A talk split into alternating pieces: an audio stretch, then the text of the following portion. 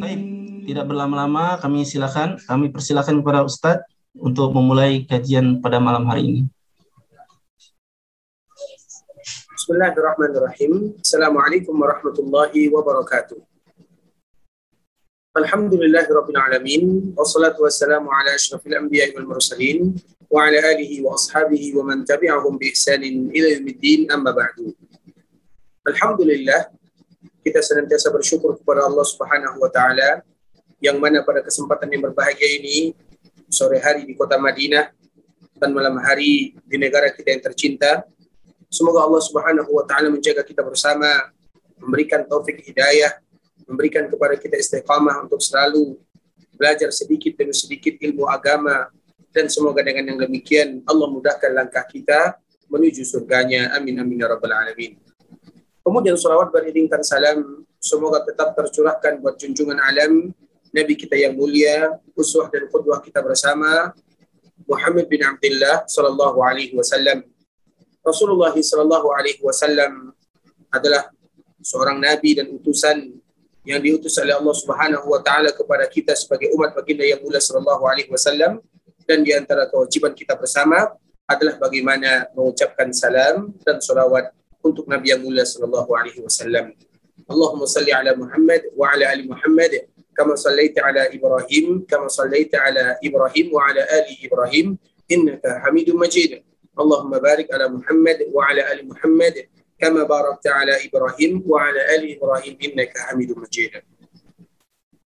إخوة الإسلام saudara kaum muslimin kaum muslimat ikhwani akhwati rahimani wa rahimakumullah Sebelumnya kami mengucapkan jazakumullahu khairan kepada kita bersama dan semoga Allah Subhanahu wa taala meridai kita semua dan meridai apa yang kita lakukan dan memberikan keikhlasan kepada kita dalam belajar agama, kemudian memberikan kepada kita ilmu yang bermanfaat, kemudian amalan-amalan yang diterima oleh Allah Subhanahu wa taala dan kami ucapkan secara khusus jazakumullahu khairah kepada sahabat ilmu Darmais semoga Allah Subhanahu wa taala memberikan taufik dan hidayah kepada kita bersama.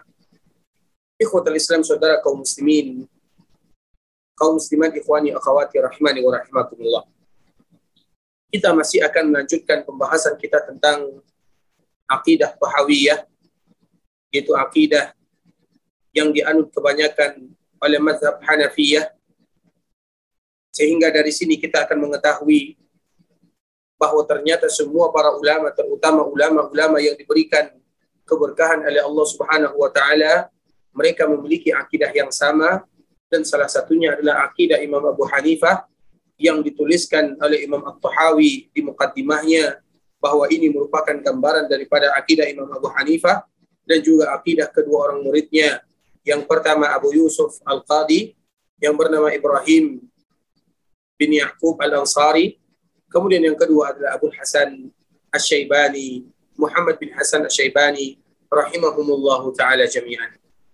Ikhwatul Islam saudara kaum muslimin, mungkin sering kita mendengar di dalam Islam ada nama kelompok sebagaimana di dalam Islam ada nama sifat suatu kelompok tersebut. Jadi ada nama kelompok atau yang disebut dengan firqah. Firqah ini kenapa disebut dengan firqah? Firqah itu mereka memiliki siapa yang mereka ikuti. Ada pemimpinnya, ada ketuanya.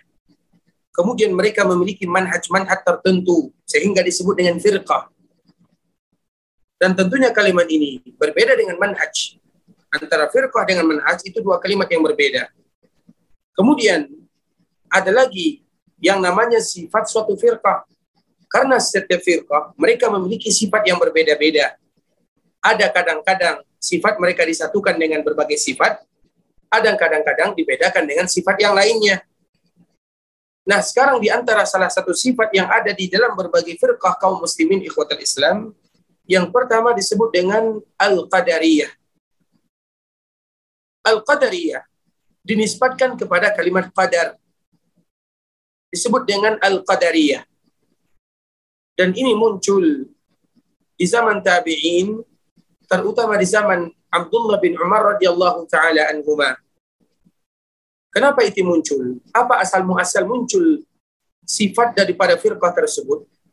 Dikala mereka mengatakan al-amru unuf. Abdullah bin Abdullah bin Umar radhiyallahu taala anhuma, dia mendengar ada sebuah kabilah, ada sebuah tempat atau ada segelongan orang yang mereka berada di Kufah sana, mereka menyebutkan al-amru unuf. Apa maknanya? Al-amru unuf, sesungguhnya perkara itu diserahkan kepada hamba. Seolah-olah mereka tidak menyandarkan kepada Allah Subhanahu wa taala. Maka mereka disebut dengan al-qadariyah. Al-qadariyah dinisbatkan kepada kalimat qadar. Kemudian ditambah dengan ya nisbah disebut dengan al-qadariyah. Yang artinya adalah mereka yang mengatakan bahwa manusia menentukan takdirnya, manusia yang menentukan keinginannya tanpa ada ikut campur dari Allah Subhanahu wa taala sehingga disebut dengan al-qadariyah yang mana mereka menyebutkan asal muasalnya adalah al-amru unuf bahwa sesungguhnya setiap perkara dan urusan adalah perkara yang baru Allah Subhanahu wa taala tidak tahulah apa yang dilakukan oleh seorang hamba sampai hamba tersebut melakukan pekerjaan dan amalan tersebut itu makna secara umum yang disebut dengan Al-Qadariyah. Kemudian lawan daripada itu disebut dengan Al-Jabariyah. Apa makna Al-Jabariyah? Itu mereka yang menafikan itu semua dari hamba Allah Subhanahu wa taala. Mereka mengatakan bahwa sesungguhnya hamba mereka tidak memiliki sesuatu apa saja. Namun Allah Subhanahu wa taala yang menggerakkan mereka. Disebut dengan Al-Jabariyah. Jabar. Jabar itu artinya tekanan, ditekan, mereka di bawah kontrol sehingga disebut dengan jabariyah atau dua hal atau disebut dengan firqah atau sifat firqah al-jabariyah. Dan ini dimiliki oleh sebagian kelompok kaum muslimin yang mana mereka mengatakan bahwa mereka bebas melakukan sesuatu dan Allah tidak tahu sampai mereka melakukan apa yang mereka inginkan atau di sisi lain mereka mengatakan sesungguhnya manusia tidak memiliki peran di dalam kehidupan semuanya dikembalikan kepada Allah Subhanahu wa taala dan inilah kalimat yang kita sering mendengarkan dengan kalimat Al-Qadariyah yang lawannya adalah Al-Jabariyah. Tentunya kalau seandainya kita lihat ikhwatul Islam, sifat yang ada di dalam kelompok ini, mereka juga berlandaskan kepada dalil-dalil Al-Quran atau juga sunnah-sunnah Rasulullah Sallallahu Alaihi Wasallam. Al-Qadariyah, mereka mengambil dalil dari Al-Quran dan sunnah Nabi. Begitu juga Al-Jabariyah, mereka mengambil dalil dari Al-Quran dan juga sunnah Nabi Sallallahu Alaihi Wasallam. Namun mereka salah di dalam memahaminya. Dan itulah benarnya ikhwatul Islam. Sehingga Abdullah bin Umar radhiyallahu taala anhu berpesan kepada orang yang tadi bertanya kepadanya, "Wahai kamu, pesan kepada orang yang mengatakan demikian bahwa sesungguhnya aku berlepas diri dari mereka sampai mereka beriman kepada qada dan qadar Allah Subhanahu wa taala." Abdullah bin Umar menyebutkan yang mana dia adalah seorang ulama dari kalangan sahabat Nabi yang mulia. Sampaikan kepada mereka, aku berlepas diri darinya. Maknanya apa? Berarti keyakinan yang mereka pakai, sangkaan yang mereka gunakan adalah sangkaan yang tidak pada tempatnya. Keluar dari jalur dan manhaj ahlu sunnah wal jamaah. Sehingga Al-Qadariyah berbeda, keluar dari jalur ahlu sunnah wal jamaah. Begitu juga dengan Al-Jabariyah, keluar dari dari manhaj ahlu sunnah wal jamaah. Ikhwatul Islam, saudara kaum muslimin, kaum muslimat ikhwani akhwati rahmani wa rahimakumullah. Sekarang kita akan sebutkan sedikit demi sedikit, namun kita kembali untuk sementara membaca apa yang disebutkan oleh Imam At-Tahawi karena ini adalah sebagian mukaddimah bahwa ternyata di sana ada Al-Qadariyah yang telah kita sebutkan dan juga ada Al-Jabariyah yang telah kita sebutkan maknanya. Sekarang kita lihat apa yang disebutkan oleh Imam At-Tahawi di dalam syarahnya atau di dalam karangannya yang menentukan bahwa ini sebenarnya akidah Ahlussunnah wal Jamaah. Wa masyiatuhu tanfaz wa la masyiata lil ibadi illa ma. Syaa lahum kan wa ma lam yasha lam yakun yahdi man yasha wa ya'simu yu'afi fadla wa yudhillu man yasha wa yataqallabuna fi masyiatihi baina fadlihi wa adlihi. Itulah yang disebutkan oleh Imam At-Tahawi rahimahullahu taala. Apa artinya? Wa masyiatuhu. dan keinginan kehendak Allah Subhanahu wa taala pasti akan terwujud, pasti akan terlaksana. La masyiata lil ibad, tidak ada keinginan yang akan dilakukan oleh seorang hamba illa masya'alahum kecuali apa yang telah Allah Subhanahu wa taala kehendaki bagi seorang hamba tersebut. Fama kan. Apa yang Allah kehendaki bagi hambanya pasti akan terjadi. Wa ma lam yasha' lam yakun. Dan apa yang Allah tidak kehendaki tidak akan terjadi. Yahdi man yasha' Allah memberikan petunjuk kepada siapa yang dia kehendaki. Wa yahfadhu wa yu'afi wa ya'sim wa yu'afi fadla. Allah jaga hambanya. Allah berikan kepada mereka kesehatan adalah karena karunia dan kasih sayang Allah Azza wa Jal. Wa yudillu man yasha. Allah Subhanahu wa taala menyesatkan siapa yang dia kehendaki, meninggalkan serta menguji karena keadilan Allah Subhanahu wa taala. Wa kulluhum yataqallabuna fi masyiatihi dan semua manusia berada di bawah kekuasaan dan berada di bawah kehendak Allah Subhanahu wa taala baina fadlihi wa amrihi yang mana semua manusia berada antara kasih sayang Allah Subhanahu wa taala dan adilnya Allah Subhanahu wa taala. Ikhwatul Islam saudara kaum muslimin, kaum muslimat ikhwani, akhwati rahimani wa rahimakumullah. Sekarang kita akan jelaskan apa maknanya. Sesungguhnya Allah Subhanahu wa taala di antara salah satu kemuliaan dan keagungan Allah Subhanahu wa taala Allah memiliki kehendak. Allah Subhanahu wa taala memiliki masyiah.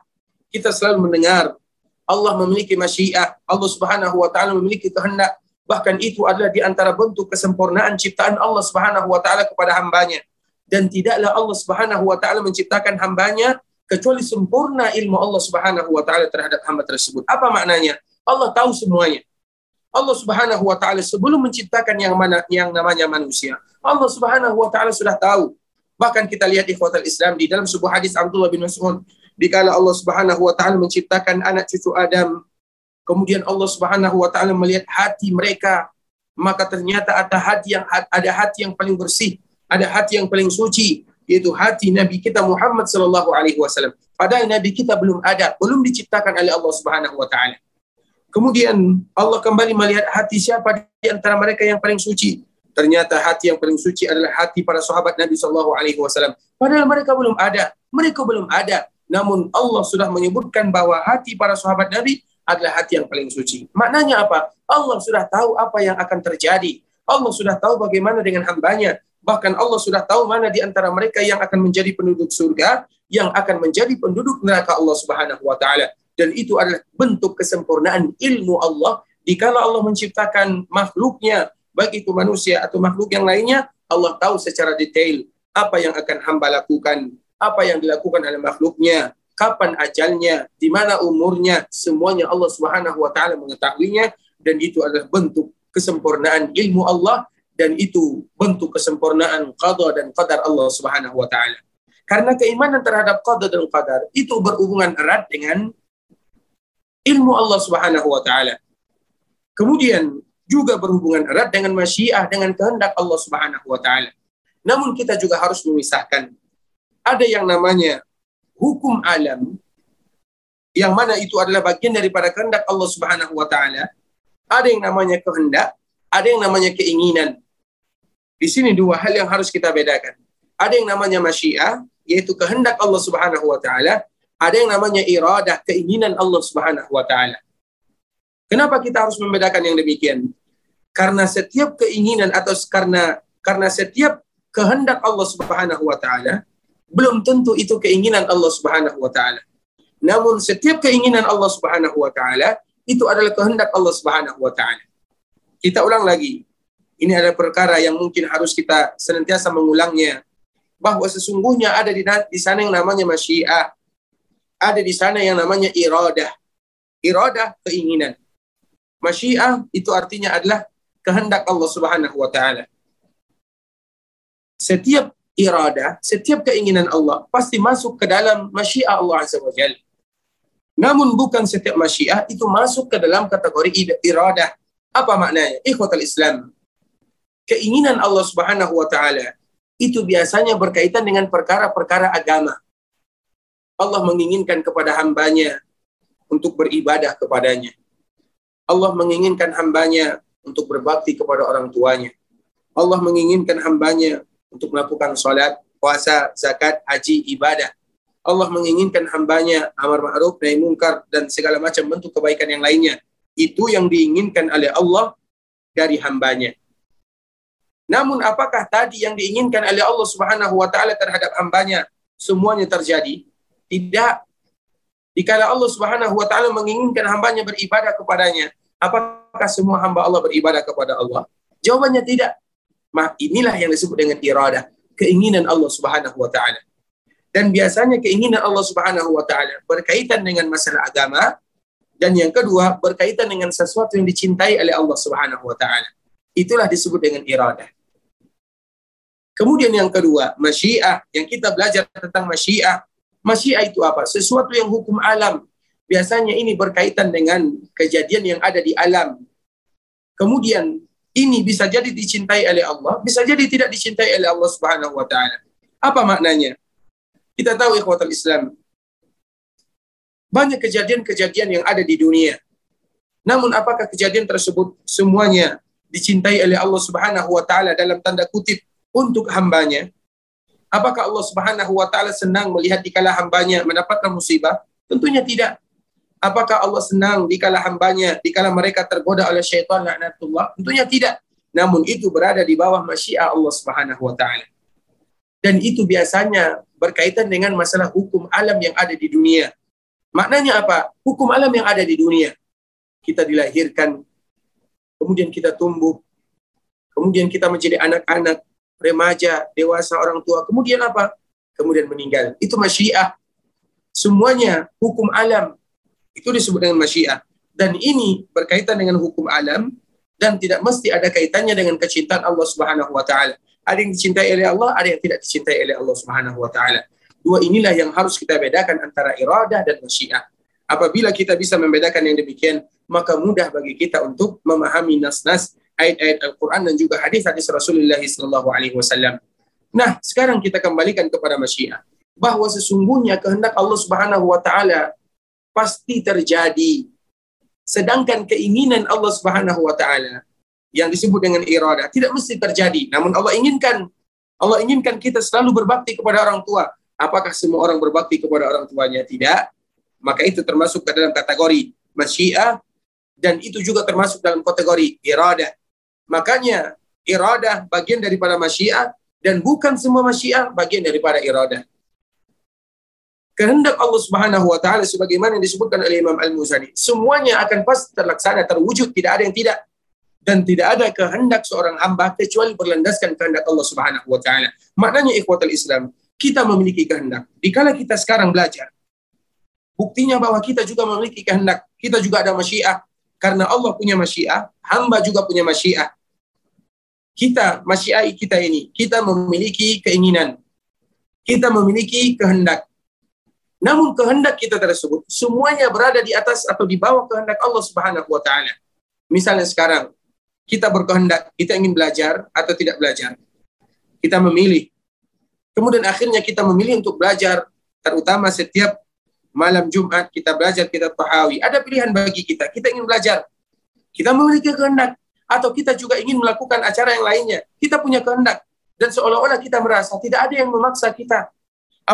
Apakah sekarang dikala kita belajar agama Allah Azza wa Jal, dikala sekarang kita melakukan uh, membaca kitab-kitab para ulama, Apakah kita merasa kita dipaksa? Tentu jawabannya tidak. Kita merasa tidak ada yang memaksa kita. Misalnya dikala kita ingin masuk kuliah, kita ingin memilih kuliah apa yang kita inginkan, apakah kuliah agama atau kuliah umum sifatnya. Tidak ada seolah-olah yang memberikan paksaan kepada kita. Dan kita merasakan yang demikian. Tidak ada yang memaksa kita. Seolah-olah kita merasakan tidak ada yang memaksa kita. Namun ketahuilah, semua kehendak kita tersebut berada di bawah kehendak Allah Subhanahu wa taala. Kenapa kita mengatakan yang demikian? Karena kita adalah makhluk Allah Subhanahu wa taala. Apa yang kita pikirkan, Allah sudah tahu. Apa yang terdetik di dalam hati kita, Allah sudah tahu. Apa yang Allah inginkan, Allah juga sudah tahu. Sehingga Allah Subhanahu wa taala menyebutkan wallahu khalaqakum wa ma ta'malun dan Allah menciptakan kalian dan juga Allah menciptakan apa yang akan kalian kerjakan. Yang kita kerjakan itulah disebut dengan masyiah. kita merasa dikala kita melakukan sesuatu, maka tidak ada yang memaksa kita. Kita sadar akan demikian. Namun ketahuilah, dikala Allah ciptakan kita, Allah juga ciptakan keinginan kita, Allah juga ciptakan kehendak kita. Berarti maknanya kita punya kehendak. Namun kehendak kita berada di bawah kehendak Allah Subhanahu wa taala. Di situlah kita bisa memberikan bantahan dan di situlah nanti kita mengumpulkan ayat-ayat Al-Quran bahwa kita manusia punya kehendak. Kita manusia punya kehendak. Sebagaimana Allah Subhanahu wa taala sebutkan di Al-Qur'an, siapa yang ingin ke surga, silakan ke surga kata Allah. Siapa yang ingin ke neraka, silakan ke neraka kata Allah Subhanahu wa taala. Maknanya seorang hamba memiliki kehendak. Namun kehendak mereka tersebut semuanya berada di bawah kehendak Allah Subhanahu wa taala. Wallahu khalaqakum wa ma ta'malun. Dan Allah yang menciptakan kalian dan juga apa yang akan kalian lakukan yaitu kehendak kalian Allah ciptakan kalian untuk menggabungkan semua ayat-ayat ini. Berarti kita tahu, dikala Allah ciptakan kita, Allah juga ciptakan keinginan dan kehendak kita, namun keinginan dan kehendak kita juga tidak terlepas daripada kehendak dan keinginan Allah Subhanahu wa taala. Di sinilah bantahan untuk Al-Qadariyah yang mengatakan bahwa Allah tidak tahu sampai kita yang melakukan amalan. Misalnya Allah tidak tahu bahwa kita akan belajar sampai kita memulai pelajaran tersebut. Itu tidak boleh. Berarti itu sama saja kita menghinakan Allah dan kita menganggap remeh ilmu Allah Subhanahu wa taala. Sehingga Al-Qadariyah adalah sifat yang paling buruk di mana mereka mengatakan Allah tidak tahu sampai hamba tersebut mengetahui apa yang akan mereka lakukan dan itu adalah perkara-perkara dan perkataan yang tidak diridhai oleh Allah Subhanahu wa taala dan itu sama saja kita menghinakan Allah Subhanahu wa taala atau kita menganggap enteng ilmu Allah Subhanahu wa taala dan juga kehendak Allah Subhanahu wa taala. Sebagaimana ini juga bantahan terhadap Al-Jabariyah. Sebagaimana tadi yang telah kita paparkan. Al-Jabariyah mengatakan, kita ini tidak punya kehendak. Kita ini ibarat. Ibarat dedaunan yang diterbangkan oleh angin. Ke mana angin menuju? Ke situlah dedaunan tersebut pergi tanpa dia memiliki kekuatan, tanpa dia memiliki usaha. Apa pun yang terjadi kepada kita, itu semuanya Allah sudah atur. Itu juga dibantah. Kenapa? Karena kita merasa Dikala kita melakukan amalan, tidak ada yang memaksa kita. Dikala kita melakukan kebaikan, apakah kita merasa ada yang memaksa kita? Betul Allah memerintahkan kita melakukan kebaikan. Namun dikala kita melakukan kebaikan, apakah kita merasa kita dipaksa? Tidak. Dikala kita ingin melakukan kejahatan, apakah kita merasa dipaksa? Jawabannya juga tidak. Bahkan Allah Subhanahu wa taala menyandarkan udkhulul jannata bima kuntum ta'malun. Masuklah kalian ke dalam surga karena apa yang kalian lakukan. Allah berikan kepada kita pilihan, ini jalan surga, ini jalan neraka. Hendaklah kalian menempuh jalan menuju surga. Hendaklah kalian menjauhi jalan menuju neraka. Kita sadar, kita tahu ayat-ayat Allah dan juga hadis Nabi Muhammad SAW. Dan kita merasa tidak ada yang memaksa kita. Sehingga ini juga merupakan bantahan terhadap Al-Jabariyah yang mengatakan bahwa kita ini sudah diciptakan oleh Allah. Kita tidak punya pilihan. Kalau Allah mengatakan kita ke kanan, kita akan ke kanan. Kalau Allah mengatakan kita ke kiri, kita akan ke kiri. Dan itu juga bantahan terhadap mereka. Ahlus sunnah wal jamaah ikhwatal Islam, itu antara Al-Qadariyah dengan Al-Jabariyah, dua hal yang mereka menafikan atau menghilangkan masyiat, atau betul-betul menghidupkan masyiat untuk Allah Subhanahu wa taala. Sehingga Imam Al-Muzani menyebutkan, La masyiata lil ibadi illa masya Allah. Sesungguhnya kita tidak memiliki masyiah tersendiri. Kita punya masyiah, tapi masyiah kita tergantung kepada masyiah Allah Subhanahu wa taala. Fama sya'alahum kan. Apa yang Allah kehendaki akan terjadi kepada hambanya dan apa yang Allah tidak kehendaki pasti tidak akan terjadi kepada hambanya. Allah yang memberikan petunjuk, Allah yang menjaga. Apabila Allah Subhanahu wa taala berikan petunjuk kepada seorang hamba, Allah berikan kepada mereka kenikmatan, Allah berikan kepada mereka kesehatan, Allah berikan kepada mereka nikmat yang luar biasa, ketahuilah itu karunia dari Allah Subhanahu wa taala. Sehingga wajib selalu kita bersyukur kepada Allah Subhanahu wa taala.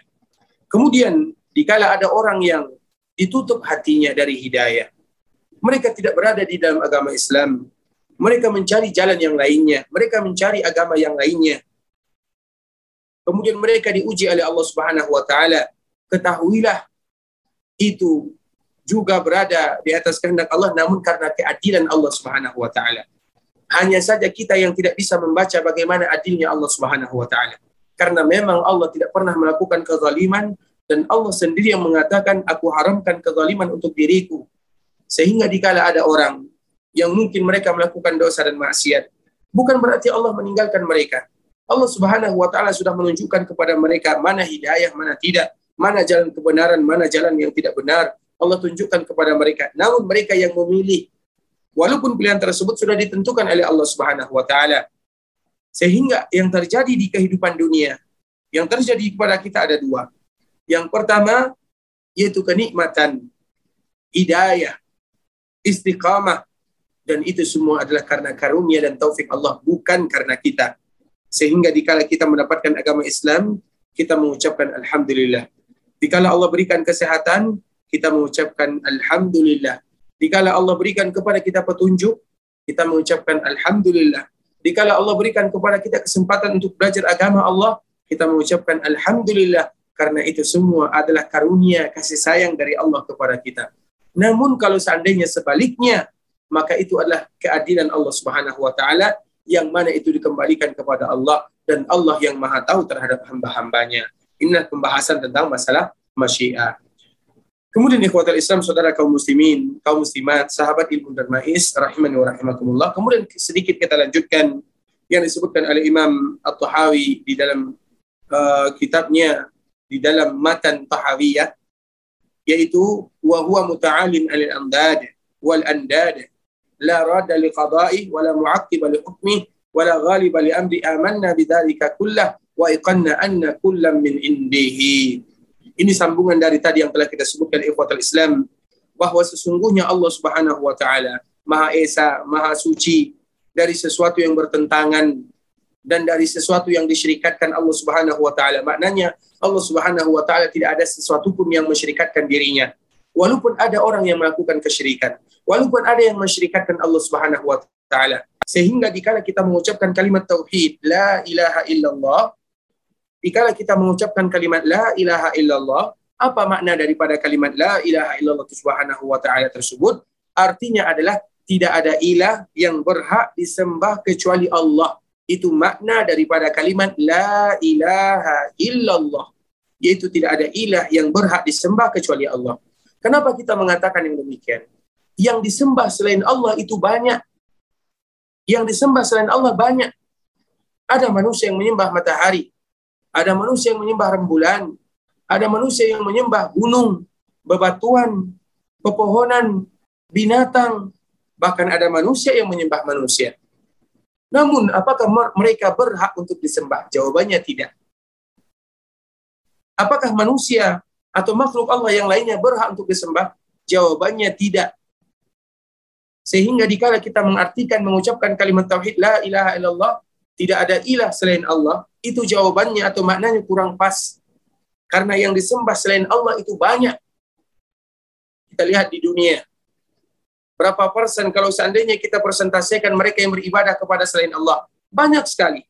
Kemudian mereka yang beribadah kepada selain Allah, kepada apa mereka beribadah? Banyak juga macamnya. Sehingga dikala kita memaknai la ilaha illallah, tiada ilah yang berhak disembah. Karena ilah yang disembah banyak. Namun yang berhak disembah tidak ada yang pantas kecuali Allah. Makanya di antara salah satu hikmah, kita mengetahui nanti dikala terjadi hari kiamat, Allah Subhanahu wa taala memerintahkan kepada semua manusia untuk mengikuti sesembahannya kemudian dikala mereka mengikuti sesembahannya karena sesembahan yang disembah ada mereka yang ridho, ada mereka yang tidak ridho. Kita ulang lagi.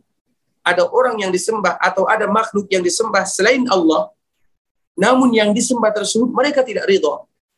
Apa contohnya? Kita lihat ada orang yang menyembah, memuja malaikat.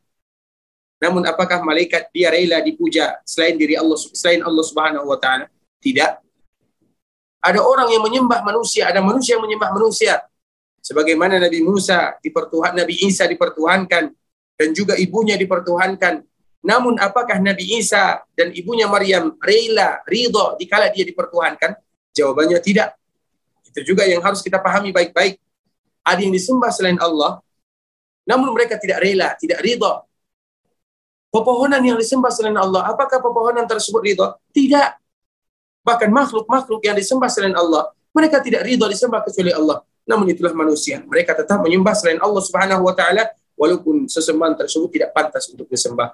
Makanya Allah Subhanahu wa taala dikala mengumpulkan makhluknya dalam kehidupan akhirat, maka Allah panggil atau Allah perintahkan setiap sesembahan ikuti sesembahan mereka. Ada yang menyembah matahari. Apa yang terjadi? Mereka mengikuti matahari, mereka berjalan-berjalan mengikuti matahari, kemudian pada akhirnya dimasukkan ke dalam api neraka. Allah masukkan mataharinya ke dalam neraka, sehingga mereka yang ikut kepada matahari tersebut juga masuk ke dalam api neraka. Bukan Allah marah kepada matahari itu adalah makhluk Allah Azza wa Jal yang dia berjalan atas kehendak Allah. Namun Allah ingin memperlihatkan bagaimana apa yang kalian lakukan dulu di dunia tidak ada apa-apanya ternyata. Ternyata yang kalian lakukan adalah kesyirikan. Makanya makna daripada kalimat la ilaha illallah tidak ada ilah yang berhak disembah kecuali Allah Subhanahu wa taala. Itu maknanya. Nah, Allah Subhanahu wa taala Maha Esa dari segala sesuatu yang disekutukan. Betul ada manusia yang mensekutukan Allah, namun Allah Maha Esa dari itu semua. Kemudian, apalagi sifat Allah Subhanahu wa taala? La. Tidak akan ada pernah yang bisa membantah qada Allah Subhanahu wa taala, ketentuan Allah Subhanahu wa taala.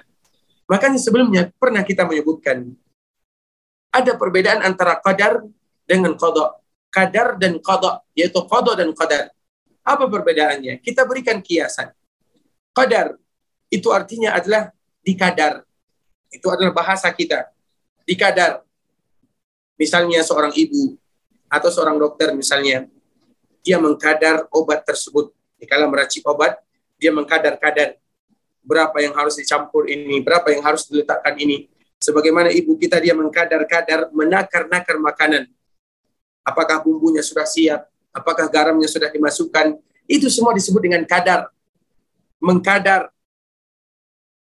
Apabila sudah terjadi, apabila obat tersebut sudah dimasukkan, apabila bumbu tersebut sudah dimasukkan, sudah menjadi makanan, sudah menjadi obat, maka itu disebut dengan qadha, yang mana tidak lagi bisa berubah. Makanan tersebut sudah menjadi makanan yang siap untuk dimakan, obat yang sudah siap untuk diminum, yang sudah siap untuk dikonsumsi, itu disebut dengan qadha, tidak ada lagi perubahan di sana. Itulah yang membedakan antara qadha dengan qadar, walaupun sebagian para ulama mereka menyamakan. Namun apabila ada di antara mereka yang membedakan qadha dengan qadar, kadar itu masih mengadar-ngadar, masih meraba-raba, dan masih ada kemungkinan untuk dirubah. Sedangkan qadha yaitu sesuatu yang sudah terjadi yang tidak akan lagi dirubah. Sehingga disebutkan di sini, la radal qada'i. Tidak akan ada bantahan, tidak akan ada yang bisa membantah tentang ketentuan dan qada Allah Subhanahu wa taala. Apabila Allah sudah menentukan A, maka pasti akan terjadi A. Tidak akan pernah ditentukan atau dirubah, ditolak ketentuan Allah Subhanahu wa taala. Wala muaqibat wala muaqib hukmi. Dan begitu juga tidak akan ada yang memberikan catatan terhadap hukum-hukum Allah Subhanahu wa taala. Hukum Allah Maha bijaksana. Allah memiliki hukum yang sempurna. Sehingga disebut dengan al-hakim, al-hakim. Allah memiliki hukum yang sempurna yang tidak akan ada di antara mereka yang bisa memprotes tentang hukum-hukum Allah Subhanahu wa taala yang ada di dunia. Wala ghaliba li amri dan tidak juga akan ada di antara mereka yang bisa mengalahkan urusan Allah Subhanahu wa taala. Karena Allah adalah wa huwa ala kulli syai'in qadir. Allah Maha Qadir atau Qadir. Wa huwal qahir. Wa huwal qadir. Allah yang Maha Qadir, Maha berkuasa. Al-Qahir, yaitu yang Maha menaklukkan, yang Maha berkuasa terhadap hambanya. Wala ghaliba li amri. Tidak ada yang mereka yang bisa mengalahkan ketentuan Allah Subhanahu wa taala. Kemudian apa yang harus kita lakukan? amanna bidzalika kullaha kita pun beriman kepada Allah semuanya semua yang tadi telah kita sebutkan bagaimana kekuasaan Allah bagaimana kemuliaan Allah bagaimana keagungan Allah semuanya kita beriman dan perkara iman adalah perkara yang gaib wa iqanna anna min indi. Dan kita juga yakin bahwa semuanya bersumber bersumber dan berasal dari Allah Subhanahu wa taala. Dan itu merupakan di antara keyakinan dan akidah. Karena memang akidah disebut dengan akidah diambil dari kata-kata aqadah. Aqadah itu artinya adalah ikatan, yaitu ikatan yang ada di dalam batin dan jiwa seorang hamba, bagaimana hubungan mereka dengan Allah Subhanahu wa taala. Sehingga itu disebut dengan akidah. Dan inilah akidah Ahlus Sunnah wal Jamaah bagaimana kita beriman kepada Allah Subhanahu wa taala bagaimana dalam keimanan kita tersebut antara mereka yang berlebih-lebihan atau mereka yang kurang di dalam menentukan kadar keimanan mereka kepada Allah Subhanahu wa taala Ikhwatul Islam, saudara kaum muslimin, kaum muslimat ikhwani, akhawati, terkhusus kepada sahabat ilmu Darmais. Sebelumnya kami mohon dimaafkan kalau seandainya pemaparan kami ini agak sedikit panjang lebar, namun itu harus kita jelaskan karena ini merupakan di antara bentuk keyakinan yang harus kita jelaskan, yang harus kita luruskan keyakinan kita kepada Allah Subhanahu wa taala. Karena bahkan sekarang banyak di antara hamba-hamba atau banyak di antara manusia mereka tidak menggunakan kalimat-kalimat yang tadi kita sebutkan, namun isinya atau inti daripada keyakinan mereka menjurus kepada keyakinan yang tadi kita sebutkan. Mungkin secara umum, keyakinan Al-Qadariyah tidak lagi kita temukan. Begitu juga dengan Al-Jabariyah, tidak lagi kita temukan. Namun secara fakta masih kita temukan sebagian manusia melakukan yang demikian. Namun mereka banyak di antara manusia yang merubah-rubah namanya. Namun intinya kembali kepada Al-Qadariyah atau kembali juga kepada Al-Jabariyah. Dan juga poin penting yang harus kita ingat, Al-Qadariyah juga dinisbatkan kepadanya Al-Jabariyah. Jadi Al-Qadariyah itu bisa jadi memiliki dua makna. Yang pertama mereka yang mengatakan bahwa qadar itu berada di tangan mereka. Kami yang menentukan nasib kami. Sehingga itu juga di antara bagian daripada Al-Qadariyah. Yang menentukan nasib kita adalah kita. Apakah demikian keadaannya? Tidak. Yang menentukan nasib kita adalah Allah. Kita berusaha. Begitu juga di dalam perkataan-perkataan sebagaimana yang sering kita ketahui, walaupun tidak semuanya menyimpang, namun kita sedikit memberikan perbaikan di sana. Seperti misalnya, manjada wajada, kalimat yang masyhur, bahkan kalimat yang diajarkan kepada anak-anak kaum muslimin. Orang siapa yang bersungguh-sungguh pasti dapat. Apakah demikian keadaannya? Jawabannya tidak. Banyak orang yang bersungguh-sungguh, namun apakah dia mendapatkan? Tidak. Banyak orang yang kadang-kadang biasa, namun dia mendapatkan baik itu dalam pelajaran, baik itu dalam perihal yang lainnya, baik itu dalam pekerjaan, baik itu dalam kehidupan dunia, terutama dalam masalah-masalah harta. Apa maknanya ikhwatul Islam? Ada sebahagian benar, ada sebagian salah. Namun yang benar itu adalah bagaimana kita menyandarkan semuanya kepada Allah SWT. Sehingga Al-Jabar, Al-Qadariyah, itu memiliki dua makna. Yang pertama ada mereka yang mengatakan kami yang menentukan nasib kami. Itu disebut dengan Al-Qadariyah. Ada yang kedua, mereka yang mengatakan kita sudah ditentukan oleh Allah. Tidak ada gunanya kita berusaha. Itu juga bagian daripada Al-Qadariyah. Jadi kadang-kadang ada para ulama menyebutkan Al-Qadariyah dibandingkan dengan Al-Jabariyah. Ada kadang-kadang Al-Qadariyah itu langsung memiliki dua dua makna. Ikhwatul Islam, saudara kaum muslimin, kaum muslimat, ikhwani akhwati rahimani wa rahimakumullah. Kita mengucapkan jazakumullahu khairat khusus kepada Bapak Dokter, Profesor, Profesor Direksi dan dan semua anggota. Semoga Allah Subhanahu wa taala menjaga kita bersama tentunya yang benar dari kami, yang benar dari Allah Subhanahu wa taala, yang salah dari kami karena kurangnya ilmu kami, karena kebodohan dan kejahilan kami. Kami mohon dimaafkan. Sekarang kita akan buka sesi yang kedua yaitu sesi tanya jawab. Semoga Allah Subhanahu wa taala meridai kita bersama barakallahu fikum. Fikum barakallah. Masya Allah, jazakallah khair Ustadz atas penjelasannya pada malam hari ini. Alhamdulillah kita masuk dalam sesi tanya jawab. Bagi yang ingin bertanya silahkan di dalam kolom chat atau bisa melalui fitur raise hand. Pertanyaan pertama Ustadz, Anda coba bacakan dulu dari kolom chat. Ustadz, beberapa orang bilang musibahnya yang terjadi adalah qadarullah. Padahal sebenarnya kalau diperhatikan dia kurang mengusahakan suatu sebab-sebab. Bolehkah kita mengatakan qadarullah atas sesuatu yang belum kita usahakan? Barakallahu fikum uh, ikhwatal Islam, saudara kaum muslimin, kaum musliman ikhwani, akhwati, rahimani wa rahimakumullah, ahibati fillah. Masalah menyebutkan Allah wa ma syaa fa'al. Allah itu adalah ketentuan Allah Subhanahu wa taala. Kalimat ini adalah kalimat yang diucapkan atau yang dianjurkan bagi kita untuk mengucapkannya dalam perkara-perkara yang kita tidak memiliki keleluasaan di sana. Itu yang harus kita pahami. Kita ulang lagi.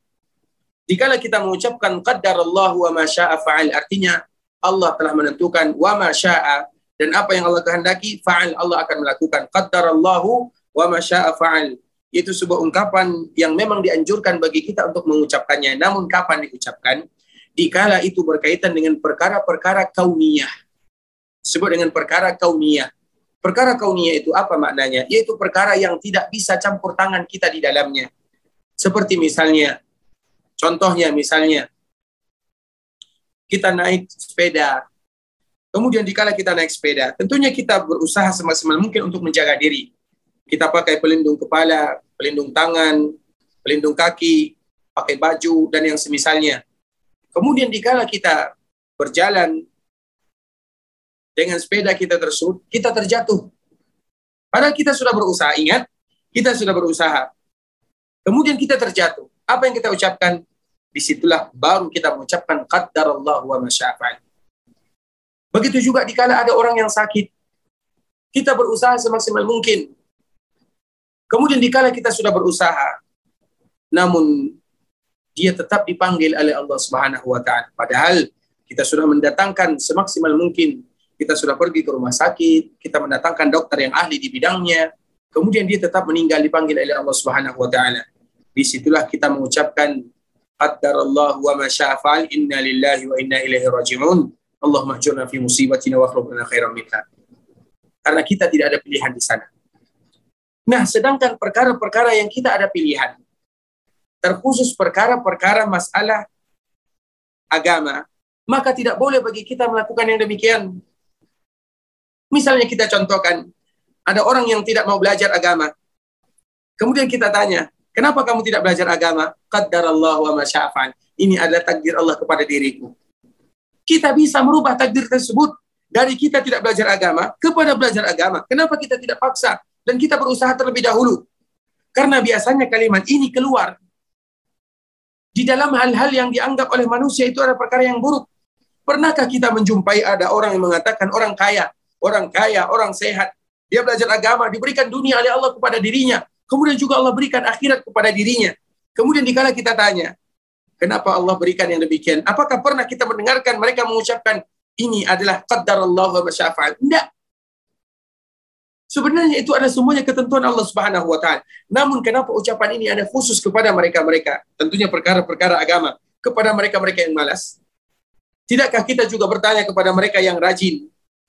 Misalnya rajin beribadah, mereka menjawab qadarullahu wa masya'afan. Tidak demikian. Makanya sebagian kaum muslimin salah di dalam menempatkannya. Misalnya kenapa tidak sholat? Qadar Allah. Kenapa tidak puasa? Qadar Allah. Kenapa tidak misalnya kenapa tidak uh, melaksanakan ibadah kata Allah itu adalah jawaban yang kurang pas namun misalnya yang pas itu adalah dikala seorang hamba berusaha dan ia menginginkan sesuatu terutama dalam perkara-perkara yang diridhai oleh Allah Subhanahu wa taala dia ingin melakukan yang demikian kemudian ada halangan maka di sana dia mengatakan qadarallahu wa sya'fa'al misalnya dia ingin pengajian dan naik dengan menggunakan mobilnya Kemudian di perjalanan mobilnya rusak. Misalnya banyak kempes atau yang lain misalnya. Dia ingin melakukan ibadah, dia ingin mengaji, dia ingin belajar agama Allah Azza wa Jal. Maka di situlah dia mengatakan qaddarallahu wa masya'afa'al. Kapan? Setelah dia berusaha. Karena kita tidak tahu tentang qadar kita ini. Sebagaimana yang selalu yang saya sebutkan, qadar Allah, takdir Allah. Kapan kita tahu takdir Allah? Apakah kita tahu takdir Allah sebelum terjadi atau setelah terjadi? Kita tahu takdir Allah setelah takdir itu terjadi.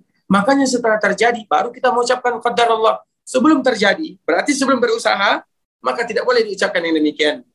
Karena memang kita tidak tahu tentang takdir kecuali setelah kita terjadi takdir tersebut. Makanya perkara takdir kita tidak tahu banyak tentangnya kecuali setelah itu terjadi. Maka baru kita mengucapkan Allah wa masya'a fa'al. Barakallahu fikum ikhwatal Islam wa jazakumullahu khair. Fikum barakallah. Masya Allah. Nah, kita lanjut ke pertanyaan melalui fitur Raisen. Silakan Abu Muaz. Tafadhal.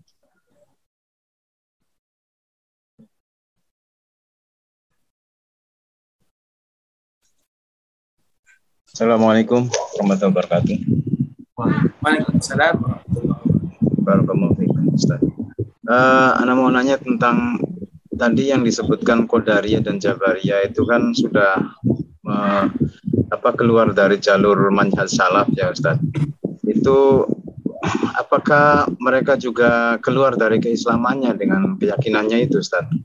Uh, karena lihat yang Kodaria itu cenderung dia bergantung pada Allah itu yang jika memang uh, ya kadang ada yang dia belajarnya hanya sebatas uh, belajar dari Al-Quran tapi tidak mengkaji tentang sunnah-sunnah Nabi gitu. Sehingga dia lebih condong untuk ke Qadariyah. Kemudian ada yang dia condong ke Jabariyah itu kemudian jadilah Islam liberal seperti itu Ustaz.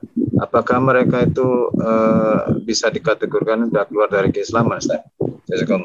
Assalamualaikum Barakallahu fikum kepada uh, Abu Muaz. Semoga Allah Subhanahu wa taala menjaganya dan juga menjaga kita bersama. Yang perlu kita ketahui, jika kita membahas Jabariyah dengan Al-Qadariyah, itu adalah sifat.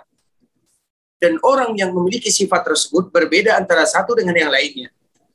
Sehingga kita tidak bisa menghukum secara umum, kita tidak bisa menghukum apakah orang ini keluar dari metode Islam atau keluar dari mana. Kita tidak bisa mengatakan yang demikian yang bisa kita katakan keyakinan Al-Qadariyah dan keyakinan Al-Jabariyah adalah dua bentuk keyakinan atau sifat keyakinan yang mana itu keluar dari manhaj ahlu sunnah wal jamaah sebagaimana Abdullah bin Umar berlepas diri dari mereka.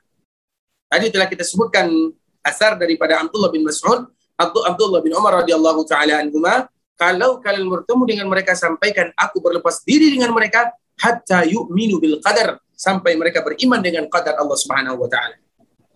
Jadi di sini Al-Jabariyah, Al-Qadariyah memang mereka memiliki kesalahan dalam masalah keimanan kepada qada dan qadar. Kita tahu beriman kepada qada dan qadar adalah sebahagian daripada rukun iman yang Allah pisahkan kalimatnya daripada rukun iman yang lainnya. Allah satukan rukun iman kepada Allah, malaikat, kitab, nabi, hari akhirat. Allah satukan. Namun Allah pisahkan dikala Allah berbicara tentang qada dan qadar. Apa makna yang ada di sana? Maknanya bahwa bahwa di dalam qada dan qadar akan terjadi hal-hal yang mungkin banyak orang yang menyimpang darinya. Nah, sehingga apakah mereka keluar? Mereka iya keluar dari manhaj sunnah wal jamaah. Namun apakah mereka keluar dari Islam? Itu bukan urusan kita. Karena setiap mereka yang memiliki sifat yang demikian berbeda antara satu dengan yang lainnya. Ada mereka yang terlalu berlebih-lebihan sekali. Ada yang mereka kena syubhat saja yang mana apabila kita sebutkan mereka akan kembali kepada ahlu sunnah wal jamaah. Namun mereka keluar dari manhaj, ingat, mereka keluar dari manhaj ahlu sunnah wal jamaah. Manhaj itu apa maknanya? Mereka keluar dari manhaj ahlu sunnah wal jamaah dalam masalah ini. Bukan dalam semua masalah yang lainnya. Tapi kalau seandainya mereka betul-betul tidak beriman kepada qadar, namun tidak ada manusia yang tidak beriman kepada qadar dan qadar. Kita harus ingat, tidak ada manusia yang tidak beriman kepada qadar dan qadar. Tentunya kaum muslimin maknanya kecuali bisa jadi yang pertama karena kesombongan atau karena syubhat perkara-perkara yang syubhat yang mereka salah di dalam memahami ayat-ayat Allah Subhanahu wa taala yang mana apabila kita sebutkan dan kita ajarkan maka mereka akan kembali kepada hukum asal yang telah disebutkan oleh Allah dan Nabi-Nya alaihi wasallam. Jadi kita hanya bisa menyebutkan dan bisa menjawab bahwa Al-Jabariyah dan Al-Qadariyah secara umum mereka keluar dari manhaj ahlu sunnah wal jamaah. Sedangkan apakah mereka keluar dari Islam? Tentunya jawabannya tidak karena mengeluarkan seseorang dari Islam itu bukan perkara yang mudah dan tidak boleh bagi kita mengatakan yang demikian. Kecuali kalau seandainya betul-betul mereka mengatakan kami tidak beriman kepada qada dan qadar. Baru bisa kita katakan. Namun mereka tidak mengatakan yang demikian. Sehingga disebut dengan Al-Qadariyah atau Al-Jabariyah. Makanya ada di dalam sebuah kitab yang dikarang oleh dosen kami, Ghalib Awaji. Dia tidak terlalu tebal, hanya tiga jilid saja yang berkaitan uh, dengan firqah-firqah yang ada di dalam Islam dan dia sudah meninggal rahimahullah semoga Allah menjaganya. Dia menyebutkan di dalam judulnya Firaq Mu'asirah allati tantasibu ila islam yaitu kelompok-kelompok yang mereka menyandarkan diri mereka kepada Islam. Maknanya berarti semua kelompok ini masih menyandarkan diri mereka kepada Islam. Dan sandaran mereka kepada Islam bisa jadi benar sebahagian, bisa jadi salah sebahagian, tergantung bagaimana keyakinannya dan setiap orang memiliki keyakinan yang berbeda. Jabariyah juga memiliki keyakinan yang berbeda. Begitu juga dengan Qadariyah, berbeda antara satu dengan yang lainnya. Ada yang betul-betul berlebihan, ada yang pas-pasan saja, ada yang tidak terlalu berlebihan di sana. Maka kita tidak bisa menghukumnya secara secara umum. Namun yang bisa kita katakan, keyakinan ini adalah keyakinan yang keluar daripada manhaj ahlu sunnah wal jamaah. Barakallahu fikum. Fikum barakallah. Masya Allah. Lanjut kepada penanya berikutnya. Firly, silakan. From London nih Ustaz, Masya Allah. UK, silakan Saudara Firly.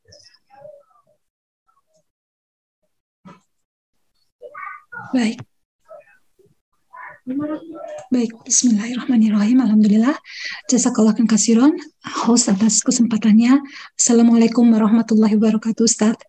Waalaikumsalam warahmatullahi Ahwan anak izin bertanya.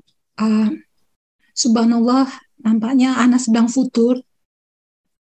Uh, Ana merasa ini sebagai sebuah musibah yang sangat besar buat Ana. Ana merasa sangat sedih dengan futur yang menimpa Ana beberapa bulan terakhir ini disebabkan Ana tidak berkesempatan untuk menunaikan ibadah haji. Jadi Ana sudah tertunda dua kali untuk menunaikan ibadah haji. Sebelumnya pada saat di tanah air, Ana sudah mendaftar dan sudah menunggu lima tahun dan berusaha untuk mendaftarkan diri di travel yang terbaik, tapi Qadarullah memang pada saat itu Ana belum ada mahram, tapi Ana sudah bertekad untuk berhaji, jadi Ana mendaftarkan diri. Tapi pada saat waktunya tiba, tidak bisa menambahkan mahram. Jadi Ana terpaksa membatalkan kepergian Ana untuk berhaji tahun itu. Lalu tahun ini Alhamdulillah Ana berkesempatan untuk mendaftar, tapi kebijaksanaan dari Kerajaan Arab Saudi menentukan cara yang berbeda bagi kami para muslim yang ada di negara Eropa dengan cara diundi, dengan lotre. Dan qadarullah wa masya'afal, nama Ana tidak ter, terpanggil di sana. Mungkin karena kami perkawinan campur, sehingga mungkin secara administrasi agak menyulitkan bagi pemerintah Arab Saudi yang baru pertama kali menyelenggarakan proses haji secara online. Dari saat itu, Ana merasa sangat sedih, dan itu menyebabkan Ana menjadi futur dalam ibadah, dan Ana berusaha sekuat tenaga untuk melawan itu. Ana paksa untuk terus ibadah se semampu Ana, walaupun Ana rasanya mungkin ada sedikit ada sedikit marahnya begitu sama Allah. Tapi Anda berusaha untuk mengabaikan itu dan Anda berusaha untuk tetap menegakkan sunnah. Karena itu adalah cara untuk tetap menjaga kewajiban-kewajiban Anda tetap tegak. Apa hukumnya bagi Anda yang beribadah dengan cara terpaksa seperti itu? Mohon nasihatnya. Jazakallah kasih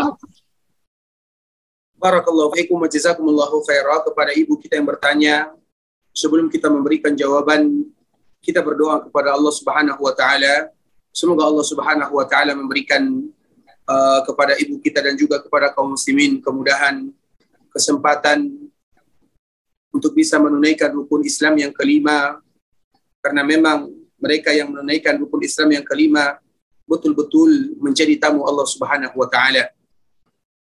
Kadang kita mengetahui di dalam kehidupan dikala kita berusaha semaksimal mungkin namun Allah Subhanahu wa taala belum izinkan kita untuk melakukannya dan pasti ada hikmah di belakangnya. Namun ada sebahagian manusia mereka tidak pernah merencanakannya. Namun Allah panggil dirinya yang mana itu juga adalah hikmah bagi manusia. Sehingga seorang mukmin mereka berada di dalam tiga pilihan atau mereka berada di dalam tiga keadaan yang harus selalu mereka ingat. Al-mukmin, seorang mukmin itu apa? Idza u'tiya syakar wa idza butuliya sabar wa idza aznaba astaghfar. Seorang mukmin apabila diberikan oleh Allah Subhanahu wa taala kenikmatan kesempatan kesehatan, mereka bersyukur. Apabila mereka diuji oleh Allah Subhanahu wa taala, mereka bersabar. Apabila mereka melakukan dosa dan maksiat, mereka beristighfar. Itulah seorang mukmin. Dan kita juga harus tahu, tidak semua yang kita inginkan pasti akan kita dapatkan. Sehingga dengan itulah kita selalu berubudiyah kepada Allah Subhanahu wa taala. Dan juga sebelum kita memberikan jawabannya, kita harus tahu di antara bentuk ibadah yang kita tidak tahu bagaimana luar biasa pahala yang dijanjikan oleh Allah Subhanahu wa taala dikala kita menunggu diberikan kelapangan oleh Allah Subhanahu wa taala. Mereka yang sakit dikala mereka menunggu kesembuhan selama mereka menunggu penantian tersebut mereka semuanya dalam rangka beribadah dan itu adalah ibadah yang mulia. Mereka yang tidak punya keturunan, kemudian dia selalu menunggu keturunan. Selama dia menunggu, selama itu pula dia dihitung sebagai orang yang beribadah. Ada orang yang tidak belum diberikan kesempatan haji oleh Allah Subhanahu wa taala. Dan dia pun selalu mengadu kepada Allah selama dia menunggu. Selama itu pula dia dihitung sebagai orang yang beribadah kepada Allah Azza wa Jalla. Kita tidak pernah tahu bagaimana hikmah dan kita baru sadar kalau seandainya suatu saat nanti kita akan merasakan bagaimana luar biasanya nikmat Allah Subhanahu wa taala. Kemudian untuk ibu kita yang bertanya, sebagaimana kita selalu berdoa kepada Allah Subhanahu wa taala, semoga Allah Subhanahu wa taala memberikan kemudahan terutama dalam menyempurnakan rukun Islam yang kelima. Memang perkara ini adalah perkara-perkara yang tidak diberikan atau kewenangan itu kepada pemerintah dan kita tidak tahu bagaimana mereka sehingga yang kita lakukan adalah usaha yang harus kita lakukan ingat ingat yang harus kita lakukan dan ingat kita hadis Nabi yang mulia sallallahu alaihi wasallam. Walaupun ini hanya sekedar memberikan hiburan namun di sana ada pahala yang luar biasa. Nabi sallallahu alaihi wasallam dikala berada di sebuah peperangan yang bernama perang Tabuk yaitu 600 kilo dari kota Madinah Nabi dan para sahabatnya melakukan perjalanan. Pulang pergi berjalan kaki 600 kilo berarti 600 pergi 600 pulang 1200 kilo berjalan kaki dikala Nabi pulang Nabi Shallallahu Alaihi Wasallam menyebutkan kepada para sahabatnya menyebutkan Inna bil Madinah di kota Madinah ada seorang laki-laki atau ada di antara mereka laki-laki tidaklah kita melewati lembah tidaklah kita mendaki gunung kecuali mereka mendapatkan pahala. Sehingga sahabat yang ada bertanya, mereka di Madinah, namun mereka mendapatkan pahala sebagaimana yang kita dapatkan ya Rasulullah. Iya kata Nabi. Namun apa kata Rasulullah Sallallahu Alaihi Wasallam? Habasat umul uzur. Mereka dihalangi karena ada uzur. Sama dengan kita. Begitu juga dengan Nabi Sallallahu Alaihi Wasallam dikala terjadi pada tahun 6 Hijriah. Dikala terjadi perjanjian Hudaybiyah. Kita tahu perjanjian Hudaybiyah pada tahun ke-6 Hijriah. Kemudian Nabi ingin sekali melaksanakan ibadah umrah. Ingin sekali melaksanakan ibadah tawaf di Makkah Al-Mukarramah. Sama dengan keinginan kita bersama. Begitu juga para sahabatnya, mereka ingin ingin sekali untuk datang ke kota Mekah, tawaf di sana. Kemudian akhirnya pun mereka melakukan perjalanan dari Madinah. Kemudian mereka mengambil miqat dari Zulhulaifah. Mereka memakai pakaian ihram, berjalan kaki. Coba bayangkan. Sehingga dikala mereka berjalan dengan perjalanan yang panjang karena Mekah dan Madinah jaraknya kurang lebih 450 kilo. Mekah Madinah jaraknya kurang lebih 450 kilo. Coba bayangkan perjalanan yang dilakukan. Akhirnya sampailah mereka di Hudaybiyah. Padahal mereka sedang memakai pakaian ihram dan mereka bukan ingin berperang dan mereka tidak membawa alat perang kecuali alat yang dibawa oleh seorang musafir untuk membela dirinya. Karena mereka menginginkan ibadah kepada Allah Azza wa Jalla. Sampai di Hudaybiyah. Di mana Hudaybiyah? Hudaybiyah itu adalah tempat yang tidak jauh dari kota Mekah. Sedikit lagi Mekah ada di depan mata mereka. Mekah ada di depan. Mereka sudah miqat, mereka sudah pakai pakaian ihram. Nabi dan para sahabatnya. Kemudian dihalangi oleh orang-orang musyrikun. Terjadilah perjanjian di sana yang disebut dengan perjanjian Hudaybiyah. Dikala terjadi perjanjian Hudaybiyah, apa isinya? Salah satu isinya kaum muslimin tidak boleh masuk ke kota Mekah melaksanakan ibadah. Sesak rasanya dada ini, terutama para sahabat Nabi yang mulia. Namun perjanjian tetaplah perjanjian karena ada hikmah di sana. Dan Nabi Shallallahu Alaihi Wasallam yang melakukan perjanjian dengan orang-orang Quraisy pada saat itu. Kemudian salah satu perjanjiannya kaum muslimin tidak boleh masuk ke kota Mekah. Datang Umar, ya Rasulullah, bukankah agama kita adalah agama yang benar? Bukankah engkau diutus oleh Allah Subhanahu wa taala dengan agama yang benar? Bukankah engkau menjanjikan kepada kami bahwa kita akan masuk ke kota Mekah? Saking rindunya mereka ingin melaksanakan ibadah ke kota Mekah. Sudah lama mereka meninggalkan Mekah. Kemudian dikala mereka melakukan ibadah, hampir saja Mekah di depan mata mereka. Namun tidak jadi bisa masuk beribadah di kota Mekah. Itu yang diucapkan oleh Umar. Maka Rasul mengatakan, insya Allah kita akan masuk ke sana.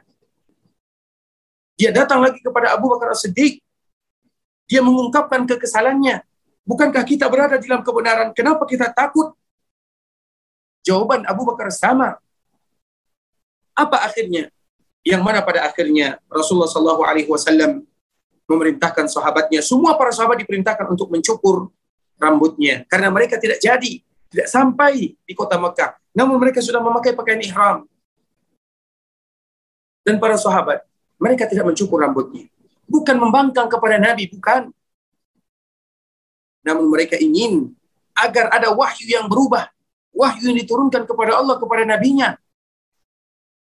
Agar mereka bisa masuk ke kota Mekah. Sedih, mereka sedih.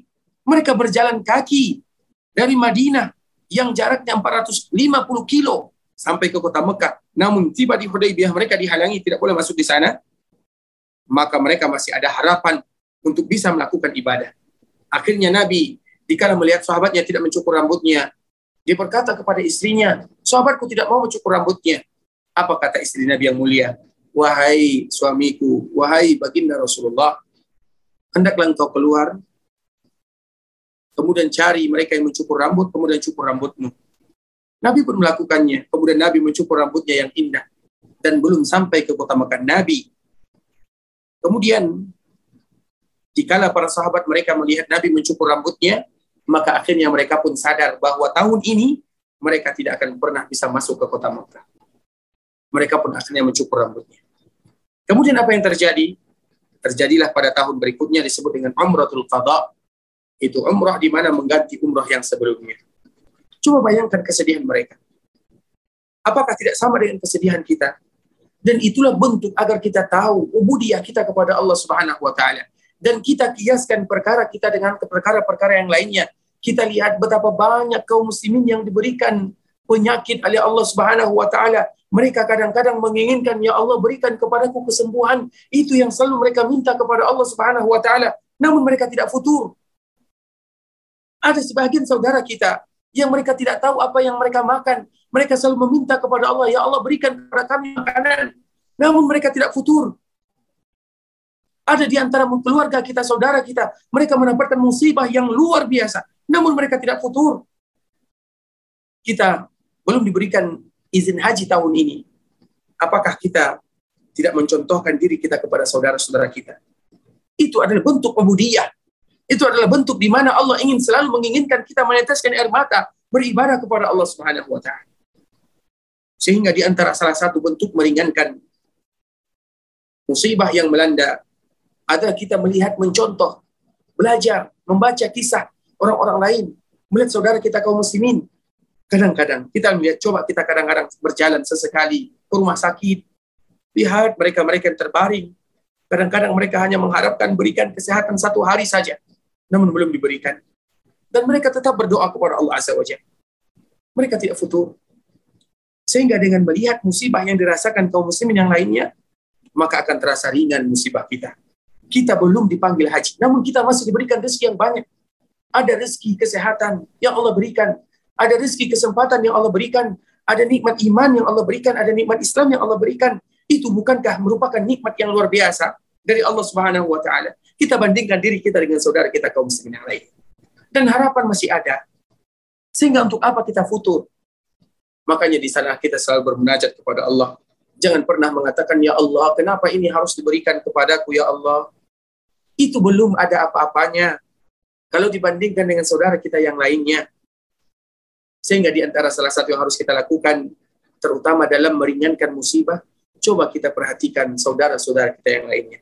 Mereka diberikan ujian yang mungkin jauh lebih berat dibandingkan dengan musibah yang kita rasakan, di situlah akan bisa kembali menciptakan ubudiyah kita kepada Allah Subhanahu wa taala. Dan masalah ibadah kita jangan pernah kita dimasuki dan dirasuki oleh syaitan. Marah kepada Allah. Allah tidak kabulkan. Allah tidak sayang. Itu adalah was-was syaitan yang harus selalu kita berdoa kepada Allah agar kita bisa terhindar dari syaitan. Dan syaitan paling mudah masuk kepada seorang hamba dikala mereka mendapatkan musibah. Sehingga baginda yang mulia menyebutkan innamas sabru inda sadamatil ula. Sesungguhnya kesabaran yang sebenarnya adalah pada hentakan yang pertama. Dikala pertama kali kita mendengarkan kita belum terpanggil melaksanakan ibadah haji di situlah diuji kesabaran. Jangan biarkan syaitan masuk ke dalam jiwa dan raga kita bagaimana caranya kita selalu meminta kepada Allah bermohon kepada Allah mungkin mungkin Allah memiliki tujuan yang luar biasa. Sekarang kita sebelum kita uh, ini sebelum kita menyelesaikan tanya jawab ini, kami menyebutkan sebuah kisah yang mungkin kita mengambil pelajaran darinya, terutama masalah-masalah musibah. Ada dulu salah satu mahasiswa di Universitas Islam Madinah. Dia datang kepada salah seorang dosennya, gurunya. Padahal dia semester akhir. Dia menyebutkan kepada gurunya, wahai guruku, aku tidak lulus. Padahal ini adalah semester ter- terakhir. Aku ingin lulus. Padahal aku tidak lulus. Aku ingin lulus dan aku tidak lulus. Apa kata dosennya? Apa kata gurunya menanamkan keyakinan dan akidah? Dan ini untuk kita bersama. Dosennya mengatakan, gurunya mengatakan, apakah kamu sudah berusaha semaksimal mungkin belajar? Iya, aku sudah berusaha. Aku berusaha mati-matian karena ini semester akhir. Dia ingin pulang ke negaranya, dia ingin pulang kepada keluarganya. Dia seolah-olah sudah lama tinggal di sini belajar agama, sudah lama berpisah dengan keluarganya. Dosennya mengatakan, apakah kamu sudah belajar sungguh-sungguh? Apakah kamu sudah berusaha? Maka dia mengatakan, iya, aku sudah berusaha. Maka dosennya mengatakan, kalau kamu sudah berusaha, serahkan kepada Allah, pasti ada hikmahnya. Dalam keadaan hati yang kacau, pemikiran yang tidak jelas, di waktu-waktu dia ingin pulang kepada keluarganya, di waktu teman-temannya pulang, sedangkan dia tinggal untuk kembali mengulang semester terakhir karena dia tidak lulus. Namun dia tetap menyerahkan diri kepada Allah. Kemudian akhirnya dia pun menyelesaikan tugasnya yang telah ditambah satu semester yang mana pada akhirnya Allah berikan kelulusan. Dikala dia lulus, berarti dikala dia menambah satu semester, berarti dia tidak jadi pulang. Maka dia pun mendengarkan kabar teman-temannya yang pulang, mereka meninggal. Teman-temannya yang pulang, yang tadi dia tidak, tidak jadi pulang, temannya meninggal. Dia tidak jadi pulang. Walaupun dia tidak tahu hikmahnya, ternyata Allah Subhanahu wa taala ingin menjaga dirinya. Dikala teman-temannya yang pulang mereka meninggal, dikala dia tidak bersama temannya, ternyata Allah memiliki rahasia di sana. Allah ingin membiarkan tetap hidup. Kemudian dia kembali kepada keluarganya dalam keadaan selamat. Namun coba bayangkan, dikala dia mendapatkan mengetahui dia tidak lulus, coba bayangkan ujian akhir, semester akhir dia tidak lulus. Coba bayangkan bagaimana pemikiran kita. Namun ternyata Allah pasti memiliki hikmah. Kita tahu, kita tidak tahu, Allah pasti memiliki hikmah dalam setiap musibah. Semoga Allah menjaga kita semuanya. Barakallahu Fikum barakallah. Lanjut pertanyaan Ustadz ya. Masih bisa ya Ustadz insya Allah. Silakan. Baik. Uh, Afwan Ustadz, Ana mau bertanya. Ana punya teman, beliau sendiri yang selalu membantu kedua orang tuanya dengan pekerjaan rumah. Jadi tidak ada waktu untuk mengikuti kajian offline. Semuanya lalai. Tidak ada murojaah lagi karena kesibukan tadi. Beliau merasa futur semenjak di rumah. Ana minta solusinya Ustadz, apakah itu bisa disebut qadarullah Ustadz? Barakallahu fikum wa jazakumullahu khaira ikhwatul Islam, kaum muslimin, kaum muslimat, ikhwani, akhwati, ahibati fillah. Tentunya kita ini ibarat pepohonan yang apabila tidak ada siraman, maka tentunya pohon tersebut akan gersang. Dan siraman untuk kita tersebut adalah ayat-ayat Al-Quran dan juga hadis-hadis Rasulullah SAW. Itulah siraman kita. Kalau seandainya kita tidak disiram hatinya dengan Al-Quran, tidak disiram hati kita dengan untayan-untayan nasihat ilmu, maka hati kita akan gersang. Sehingga para ulama menyebutkan salah satu di antara kita meminta memperbaharui keimanan dan ketakwaan, memperbaharui keyakinan hati kita adalah dengan menghadiri majelis-majelis ilmu. Sesibuk apa pun kita, bisa kita luangkan waktu sebentar saja. Makanya misalnya kita sibuk bekerja, boleh membantu orang tua, wajib berbakti kepada mereka wajib. Namun kita juga harus menyiram kolbu kita dengan agama dan wajib kita usahakan. Minimal kita mendengarkan misalnya di YouTube, media sosial sambil kita bekerja. Kalau betul-betul kita tidak punya waktu, kita dengarkan siaran ulang, nasihat-nasihat yang akan kembali memukau, akan kembali membuat kita semangat beribadah kepada Allah karena kita ini manusia yang lemah, butuh nasihat dan itu yang harus kita lakukan. Mau tidak mau, baik offline ataupun online, maka kita berusaha untuk belajar agama Allah karena dengan itulah hati kita akan semakin bertambah keyakinannya dan ketakwaan kepada Allah. Barakallahu fikum. Masya Allah, fikum. Lanjut ke pertanyaan berikut Ustaz. Allah maha penyayang terhadap hambanya. Allah juga menentukan kodok kebaikan dan keburukan. adakah upaya-upaya yang dapat kita lakukan atau bagaimana kita berlindung terhadap kodok keburukan, apalagi yang menyebabkan kita mendapatkan keburukan dunia dan akhirat. Nauzubillah. Barakallahu fiikum ikhwatal Islam. Tentunya di antara salah satu yang harus kita lakukan dikala kita menginginkan kebaikan kepada Allah Subhanahu wa taala, yang pertama adalah dengan doa. Di antara salah satu doanya, ini agak sedikit panjang ya. Nanti bisa kita cari doa diberikan kebaikan takdir yang baik.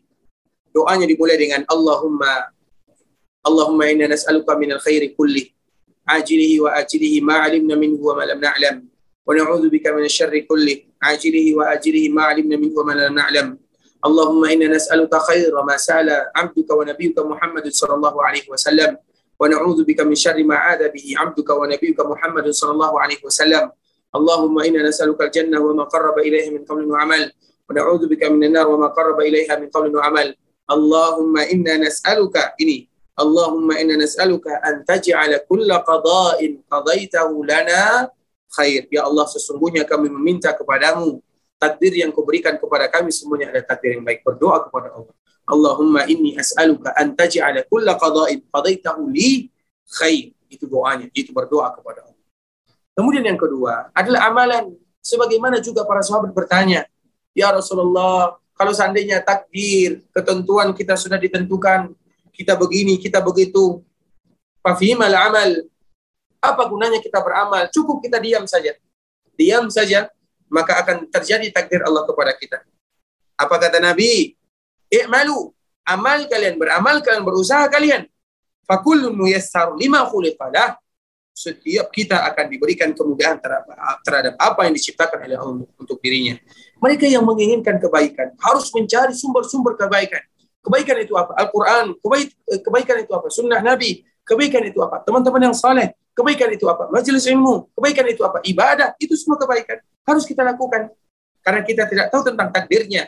Kecuali setelah terjadi. Itulah yang harus kita lakukan. Yang pertama doa, yang kedua usaha yang tadi kita sebutkan. Barakallahu fikum. Fikum barakallah. Lanjut Ustaz. Pertanyaan berikutnya yaitu manusia diminta beramal dengan amal dengan amalan terbaiknya. Mohon penjelasan Ustadz terhadap pernyataan ini karena tiap-tiap diri memiliki kapasitas diri yang berbeda-beda sesuai dengan fitrah penciptaannya. Ataukah ini maknanya terbaik di sisi Allah?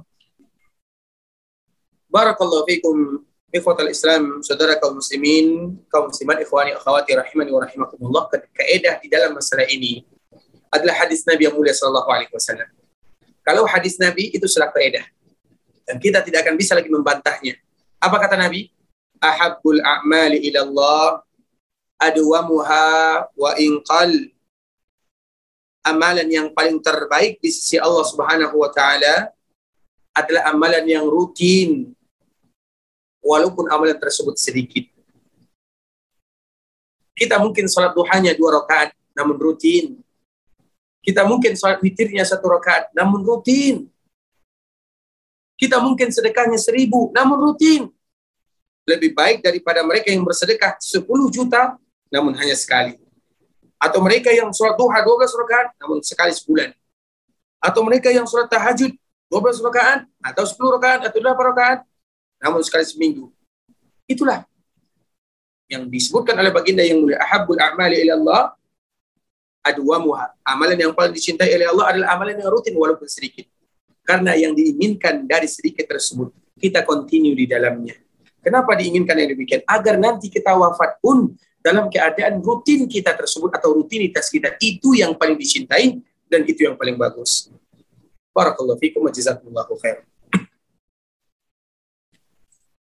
Fikum barakallah Ustaz, Allah masih ada waktu ya, Ustaz ya? Uh, mungkin satu pertanyaan lagi. Baik, baik Ustaz, baik. Uh, Ana izin bertanya Ustaz, terkait hadis tentang pintu gerbang taubat yang diciptakan Allah Ta'ala untuk menerima taubat hamba-hambanya. Apakah benar lokasinya di bumi Syam dan adakah tanda-tandanya yang bisa kita saksikan ketika berada di bumi Syam? Mohon penjelasan Ustaz. Bisa diulang lagi pertanyaannya, Barakallahu Fikum. Uh, pertanyaannya terkait hadis Ustadz, hadis tentang pintu gerbang taubat yang diciptakan Allah Ta'ala untuk menerima taubat hamba-hambanya. apakah benar lokasinya di bumi Syam Ustaz? Dan adakah tanda-tandanya? Allah taala alam saya tidak tahu. Mungkin pertanyaan yang lain barakallahu fikum. Baik, baik Ustaz. Satu lagi ya Ustaz ya. Silakan. Insyaallah ya. Ustaz, semisal kita tidak diakikah dengan kambing, apakah benar bahwa nanti di akhirat kelak kita tidak bisa memberikan syafaat untuk kedua orang tua kita? Barakallahu fikum ikhwatal Islam. Kita tahu di antara sunnah Nabi Shallallahu alaihi wasallam adalah akikah. Untuk laki-laki dua ekor kambing, untuk yang perempuan satu ekor kambing. Namun kalau seandainya ada di antara kaum muslimin tidak bisa mengakikahkan untuk anak laki-lakinya dua ekor kambing, maka boleh dengan satu ekor kambing kalau tidak bisa. Dan biasanya akikah itu mudah. Yang sulit itu adalah acaranya. Akikah itu sangat mudah. Yang sulit itu adalah caranya. Akikah itu, sebelum kita menjawab pertanyaan ini, akikah itu apa? Yaitu sembelih kambing Kemudian kalau kita punya uang lebih, kita bikin acara. Alhamdulillah kita undang sanak famili, keluarga. Alhamdulillah bagus. Namun kalau kita tidak punya, maka kita sembeli kambing seperti yang kami lakukan di kota Madinah, terutama para mahasiswa di kala mereka mendapatkan rezeki anak. Di kala kami uh, dapat rezeki anak, maka kami cari kambing. Kemudian langsung dipotong-potong. Kemudian kambing mentah itu dibagikan ke tetangga-tetangga, dibagikan ke mahasiswa. Ini akikah.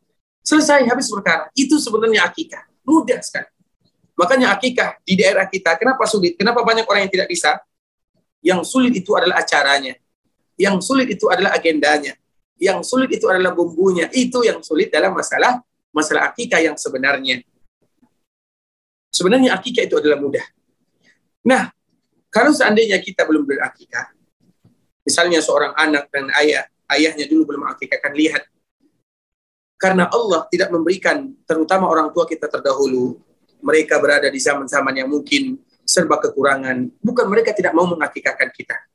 Tapi mereka tidak punya untuk sesuatu yang mengakikahkan kita. Mereka makan saja susah.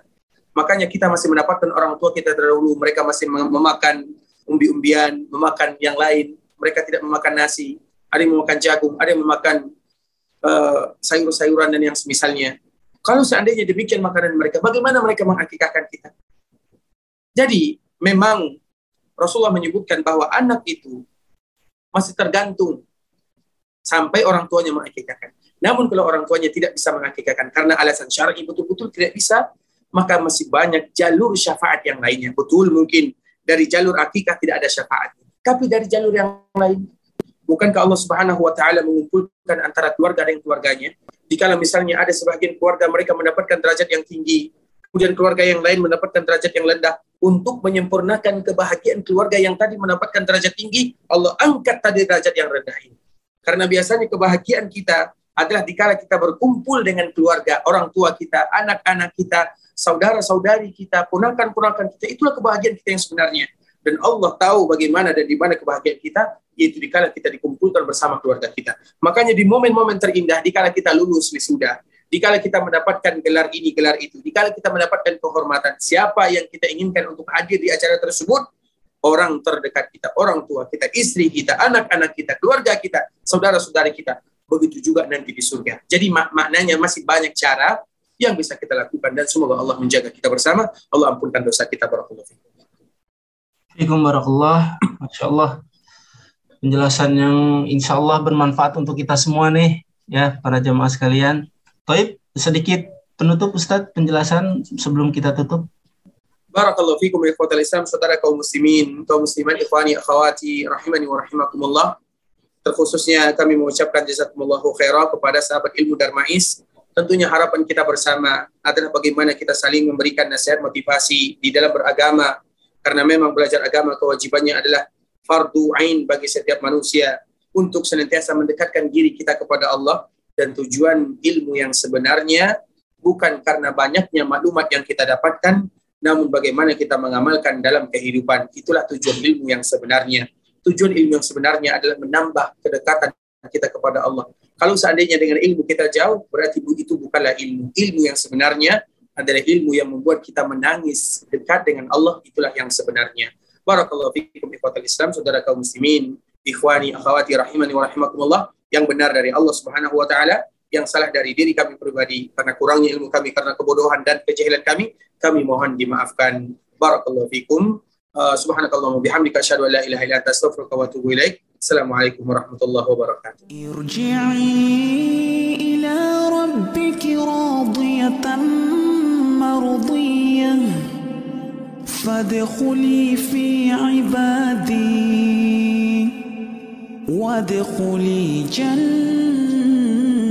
جنتي.